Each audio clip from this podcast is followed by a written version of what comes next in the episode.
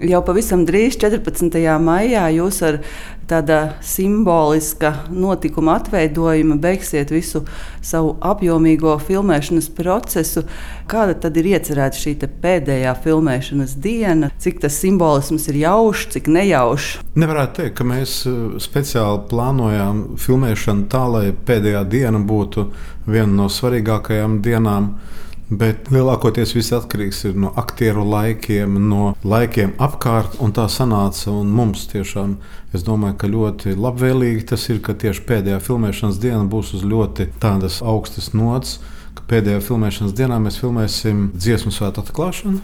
Rīgas Latvijas biedrības zālē, kas ir uzbūvēta dekorācijās, jo reālā Rīgas Latvijas biedrības ēka neeksistē.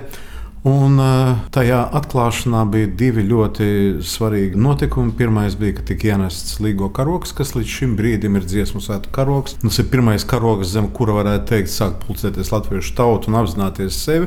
Un ilgu laiku tas bija karoks, kas simboliski to arī nozīmē. Un otrs Notikums bija tas, ka šajā atklāšanā pirmo reizi tika nodziedāta Dievs svētī Latviju. Baumaņa kārļa šī dziesma, šī lūksne, jo no Krievijas varas bija aizliegts to dziesmu izpildīt koncertos. Tas bija tas formulējums, jo viņi jūta, ka tā dziesma nes sevi kaut ko vairāk nekā vienkārši dziesma, jo pa slepenu policijas kanāliem viņiem bija pienākušas ziņas, ka Baumaņa Kārļa dzīvoklī dziedot to, cilvēki celās kājās un jūta to spēku, kas tajā dziesmā ir. Un viņi domāja vienkārši aizliegt to dziesmu izpildīt koncertos.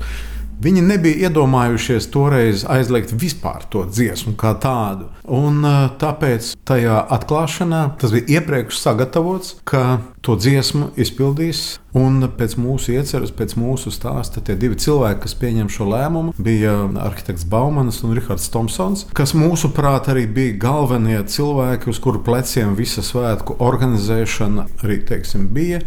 Un tas ir tas, ko mēs filmēsim. Un es ar lielu tādu nepacietību. Un, varētu pateikt, domājot par to filmēšanas dienu, man iekšā mazliet sāk kaut kas jau tā, tā vibrēt, tā trīcēt, tādās priekšnojautās.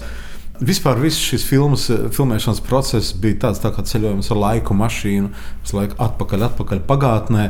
Un es domāju, tas būs tiešām vienreizējs notikums ne tikai mums, filmas veidotājiem, bet arī visiem cilvēkiem, kas tur būs, gan no komandas, gan arī ļoti daudz būs masu skatu dalībnieki. Uz masu skatiem šai filmēšanai pieteicās rekordliels interesantu skaits un arī rekordātrā laikā. Kā jūs vispār filmēšanas procesā esat kopumā jutuši to sabiedrības atsaucību, jo jūs šeit tad aicinājāt uz sadarbību? Tiešām visa, visa šī filmēšanas procesa laikā tā atsaucība bija ļoti liela. Un es domāju, tas ir ne tikai tāpēc, ka cilvēki zina, kas ir dziesmu svētki, Es domāju, tas tomēr dod kaut kādu to kopības apziņu, ka tas ir tāds unikāls notikums, kas mūs savieno. Un tā piedalīšanās filmēšanā arī ir kaut kāda sevis ienešana tajā iekšā. Jā, diemžēl jāsaka tas, ka tā atsaucība ir daudz lielāka nekā ir mūsu iespējas. Jo mums ir limitēts skaits un limitēts tās epizodes, un mums ir jādomā, cik un kā. Un tiešām tā pēdējā reize bija tik liela atsaucība, ka tādā ātrumā cilvēki pieteicās. Man tas ir, mēs vēl nepaspējām pateikt, ka mēs filmēsim, ka jau bija un vēl cilvēki zvanīja un tā. Jo Tas ir interesanti, tas tiešām ir ļoti nozīmīgi. Un es domāju, vēl jau vairāk tas, ka šobrīd tas eh, dziesmu svētku gars ir gaisā. Jo tuvāk nāk jūnijas, jo tuvāk nāk dziesmu svētki, jo vairāk tas cilvēks pārņem. Un arī mums, eh, taisot filmu, tā ir tāda ļoti spēcīga sajūta, ka tu dari kaut ko tādu, ar ko cilvēki šobrīd dzīvo. Un tas ir tāds dīvains salikums. Vienlaicīgi tu filmē, kā veidojās tie svētki, tu filmē, kā tika atklāti tie svētki. Un tajā pat brīdī tu vari pārlikt 150 gadus un būt šeit un redzēt, ka tas viss jau gaisā notiek un vēl aizvien dzīvo. 19. gadsimta beigas tas tāds vīru laiks, arī koros pārsvarā dzied vīri. Un, cik zināms, tad parasti nu, puiši nav pārāk atsaucīgi iesaistīties tādās aktivitātēs. Jums laikam nebija ar to īpaši problēma, ja bija tomēr. Jā, tas ir tas paradoxālākais, ka tajā laikā tiešām vīri bija tas pamats. Vīri bija tie, kas dziedāja. Iespējams, tas bija saistīts ar to, ka vienkārši tas tāds vīru laiks bija. Jā, laiki ir mainījušies šobrīd dziedošo vīru skaits salīdzinot ar dziedošo sieviešu skaits ir ļoti ļoti mazs. Es ļoti ceru, ka mūsu filma varētu palīdzēt atkal vīriem sajust to vīrišķo spēku, kas bija pašos pirmsākumos dziedāšanai, kas toreiz veda viņus uz tiem dziedāšanas svētkiem. Un varbūt tas kādam vīram liks padomāt, varbūt es arī gribu dziedāt, varbūt man tomēr iet dziedāt. Es domāju, ka gan pēc šīs filmas, gan pēc šiem dziesmu svētkiem kaut kas varētu mainīties. Un tomēr, jā, kad dzied vīri, tas tiešām ir ļoti jaudīgi. Jā, tas ir vīru laiks, bet jums viena no galvenajām varonēm, saprotu, ir tieši meitene. Jā, strādājot pie scenārija, mēs saskarāmies ar to, ka reāli tas bija vīru laiks. Bet šie pirmie dziedāšanas svētki bija pirmie ne tikai vispārīgie latvieši, bet pirmie dziedāšanas svētki, kuros dziedāja arī sievietes, kuros dziedāja arī jauktie kori. Pirms tam Igaunijā vai arī jebkur citur, kur notika, bija tikai vīru kori. Tā tad kaut kāda kustība bija sākusies, un skaidrs, ka mums sākot strādāt pie scenārija, bija jādomā par to, ka Mēs nedrīkstam to atstāt novārtā, mēs nedrīkstam par to nerunāt. Jo tas bija interesants laiks ar to, ka sākās tiešām sieviešu apzināšanās, sāk attīstīties vispār sievietes loma sabiedrībā. Un, Jā, mēs izveidojām paralēlo līniju. Sakot to, ka mēs viņu izveidojam un tā ir izdomāta, es iekšēji esmu pārliecināts, ka noteikti kāda reāli tāda arī bija. Meitene, kur dzīvo nelielā ciematā, kurā ir vīru koris, kuri nepārāk paši grib dziedāt un kuri ļoti grib dziedāt. Uzzinot to, ka būs svētki, viņas dziedāšanas vēlme kļūst aizvien lielāka, bet visu sarežģīja tas, ka viņai parādās pirmās jūtas, un tās jūtas ir pret kora vadītāju, kurš nevar neko izdarīt viņas labā. Un tā, Un, uh, zinot to, ka tajā laikā bija pieņemts tāds lēmums, ka, ja cilvēkam nav koris, bet viņš zina dziesmas, viņš varēja atbraukt uz Rīgu pirmajā tajā svētku dienā un pieteikties. Un to cilvēku vienkārši pielikt pie kora. Un mēs to izmantojām un bez šaubām Tā otra līnija ir stāsts par to, kā meitene, kur tiešām grib dziedāt, situācijā, kurā nav nekādas iespējas viņai to darīt, tomēr viņa nokļūst tajos svētkos un pārstāv jau to sieviešu vairumu, kuras pēc tam jau ne tikai dziedāja kopā ar vīriem, bet kurus esam vairāk parādījās sabiedriskajā dzīvē, politikā, mākslā un visur. Jā, kad jūs sākāt, tas jau bija pirms kādiem gadiem trim vai četriem. Atceros, ka bija tas pieteikums Nacionālajiem kinocentram. Es domāju, cik kolosāla ideja. E, un jūs esat izrakušies cauri visam tam pētniecības darbam, tagad filmēšanai. Kā jums pašam tā sajūta, tā attieksme vispār pret šo notikumu ir mainījusies? Droši vien ļoti daudz ko esat arī jaunu uzzinājis. Varbūt kaut kāds citādāks tas skatu punkts ir jau izveidojies. Nu, pirmkārt, jau tas, ka tā visa informācija un jau no tā brīža, kad pie scenārija rakstīšanas piesaistījās arī Dainis Ivāns, mēs kopā sapratām, ka tas materiāla klāsts, kas ir ap to laiku, ap tiem svētkiem, ap tiem cilvēkiem, ir ļoti liels un ka to visu mēs nevaram filmā parādīt. Un, uh, mēs jau uzreiz sapratām, to, ka tas viss, kas paliek pāri, to visu vajag likt malā, jo tas viss noderēs romānam, pie kura mēs šobrīd strādājam kopā, vēsturiskam romānam tieši par šo laika posmu. Un, uh, Jāsaka, ka gandrīz viss, ko es uzzināju, bija jauns. Tā dīvainā sajūta sākumā, ka mēs visi esam pieraduši, ka ik pēc pieciem gadiem ir svētki, un tas kaut kā bija novedis līdz tādai kā dziesmu svētki, pašsaprotama lieta. Un sākot strādāt pie scenārija, meklējot materiālus un kopā ar Dāņu rakstot grāmatu, mēs sapratām, ka mums tas ir jāizstāsta.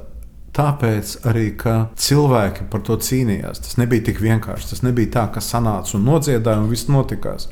Aiz tā ir cilvēku likteņa, aiz tā ir cilvēku kaut kāda sapņa, kaut kādas nākotnes vīzijas, ir kaut kādas emocijas, ir arī patriotisma lietas. Un, tieši tas laiks. Un viņš ir ļoti interesants no visiem vēsturiskiem aspektiem. Un pateicoties tam, kad mēs strādājam pie tās filmas un arī pie tā romāna, mēs domājam, ka lielākā daļa no tā laika, no tiem materiāliem, kas ir, būs apkopoti, un e, mēs būsim šo vietu vēsturē aizpildījuši. Varētu teikt, ka sākumā viņa bija pilnīgi balta, jo tikko bija ideja un bija doma par to, ka rakstīt scenāriju, bez šām mokēt uz biblioteku. Bibliotekā visam visiem ir jābūt. Tad nācām uz biblioteku. Sakiet, lūdzu, kur jums ir pār pirmiem dziedāšanas svētkiem, 73. gads. Un tā sieviete stāv un. Uh, mm, E, nu, varbūt tur kaut kas ir, varbūt mūzikas nodaļā, varbūt varētu kaut kas. var būt, varētu. Es biju pārliecināts, ka ir vai nu plaukts, vai nu istaba, vai kaut kas, kur ir 73. gads un viss ir salikts. Nē, tā tas nebija. Un pateicoties darbam pie filmas, es domāju, ka mēs būsim kaut kādā veidā to visu materiālu apkopojuši un atstājuši liecību par to, kā veidojās pirmie dziedāšanas svētki.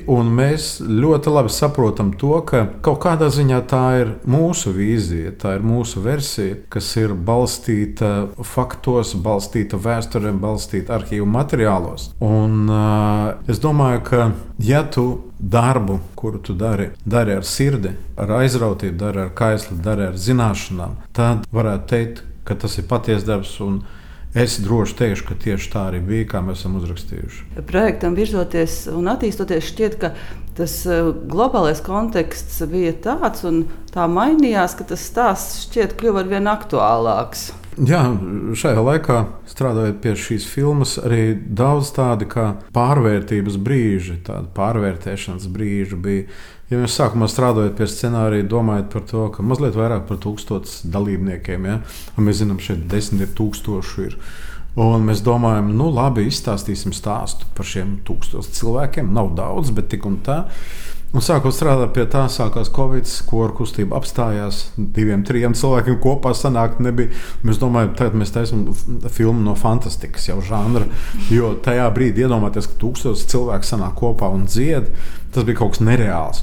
Un mēs izdzīvojam arī šo posmu. Paldies Dievam, ka šis posms ir beidzies jau tagad atkal tūkstošiem. Un uh, mums pagājušajā gadā pavasarī filmējot epizodes ar policmeistaru, kurš mūs pārstāv Krievijas varu, impērijas varu. Bija filmēšanas diena, kurā viņš dod mājienas par to, ka, ja tiks nodziedāta Dieva svētī Latviju, tad uh, tas bez soda neizpaliks. Un tajā dienā mēs filmējām to. Un, uh, Nākošajā dienā sākās Ukraiņas karš. Un tas arī mums lika pārdomāt to laiku caur šo prizmu. Es atceros, ka Dainis ļoti skaidri savilka paralēles ar to tautas apziņu, kura ir to tautas apziņa, kura ir dziesmā un no dziesmu svētku nozīme. Un tas arī mums lika savādāk paskatīties mazliet uz to jau filmu, un mēs šo to atkal mainījām saprotot to, ka impēriskā domāšana nav mainījusies, kāda bija tad, tāda ir tagad, neatkarīgi no tā, kādā veidā tā izpaužās. Arī mums filmā tas ieskanējās, un mēs gājām arī tam cauri. Un uh, skaidrs, ka šī filma nav tikai par kaut kādu svētku veidošanos.